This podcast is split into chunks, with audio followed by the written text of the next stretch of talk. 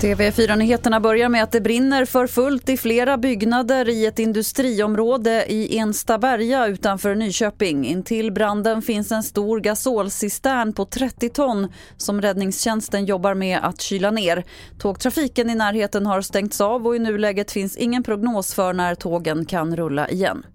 Så till Frankrike där det varit oroligt på flera platser även i natt. Oroligheterna började efter att en 17-årig pojke sköts ihjäl av polis i tisdags. Affärer har plundrats och bilar har satts i brand.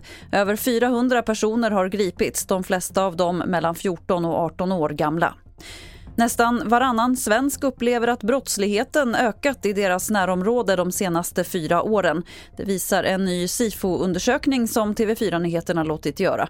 Caroline Karlsson som är presstalesperson på polisen säger så här om resultatet i undersökningen dödliga våldet med skjutvapen ökar. Så att, eh, läser man och tittar om, på TV om det här så klart man reagerar för det är ju hemska saker som händer. Sen tror jag stort i samhället också så är det ett fokus på det från politiskt håll. Eh, trygghetsfrågor är viktiga. Eh, så att det, det, blir en känsla av att någonting ökar fast statistiken egentligen säger att den minskar. Och fler nyheter finns på tv4.se. Jag heter Lotta Wall.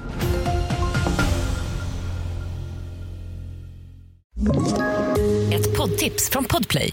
I podden Något Kaiko garanterar östgötarna Brutti och jag, Davva, dig en stor dos skratt. Där följer jag pladask för köttätandet igen. Man är lite som en jävla vampyr. Man har fått lite blodsmak och då måste man ha mer. Udda spaningar, fängslande anekdoter och en och annan arg rant. Jag måste ha mitt kaffe på morgonen för annars är jag ingen trevlig människa. Då är du ingen trevlig människa, punkt. Något Kaiko, hör du på Podplay. Därför är gardinerna.